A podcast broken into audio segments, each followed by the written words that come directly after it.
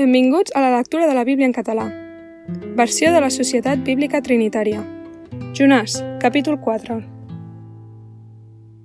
Per això va de plaure molt a Jonàs i s'enutjar, i pregar a Javé i va dir «Ah, Javé, no és això el que jo deia quan era a la meva terra? Per això me'n vaig prevenir fugint a Tarsis, perquè sé que tu ets un Déu misericordiós i compassiu, lent per a la ira i gran en bondat, i que et penedeixes del mal.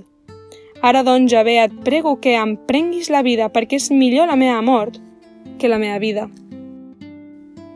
I Javé va respondre, fas bé d'enutjar-te així?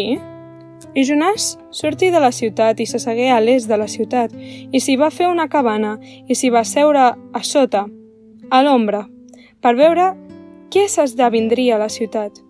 I Javé Déu havia preparat una planta que va créixer per damunt de Jonàs, per fer-li ombra sobre el cap per deslliurar-lo del seu malestar, i Jonàs se'n va alegrar molt de la planta.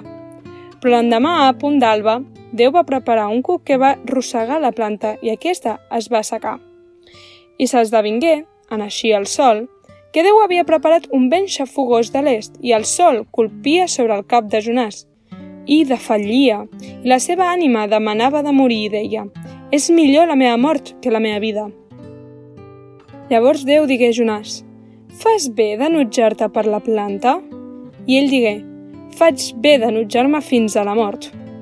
I Javé va dir, et compadeixes tu de la planta per la qual no has treballat i no l'has fet créixer, que en una nit ha brotat i en una nit s'ha esvaït.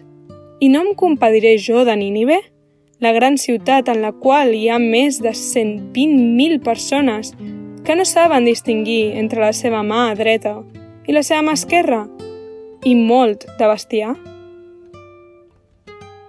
Gràcies per escoltar la Bíblia amb nosaltres. Això ha estat Jonàs capítol 4.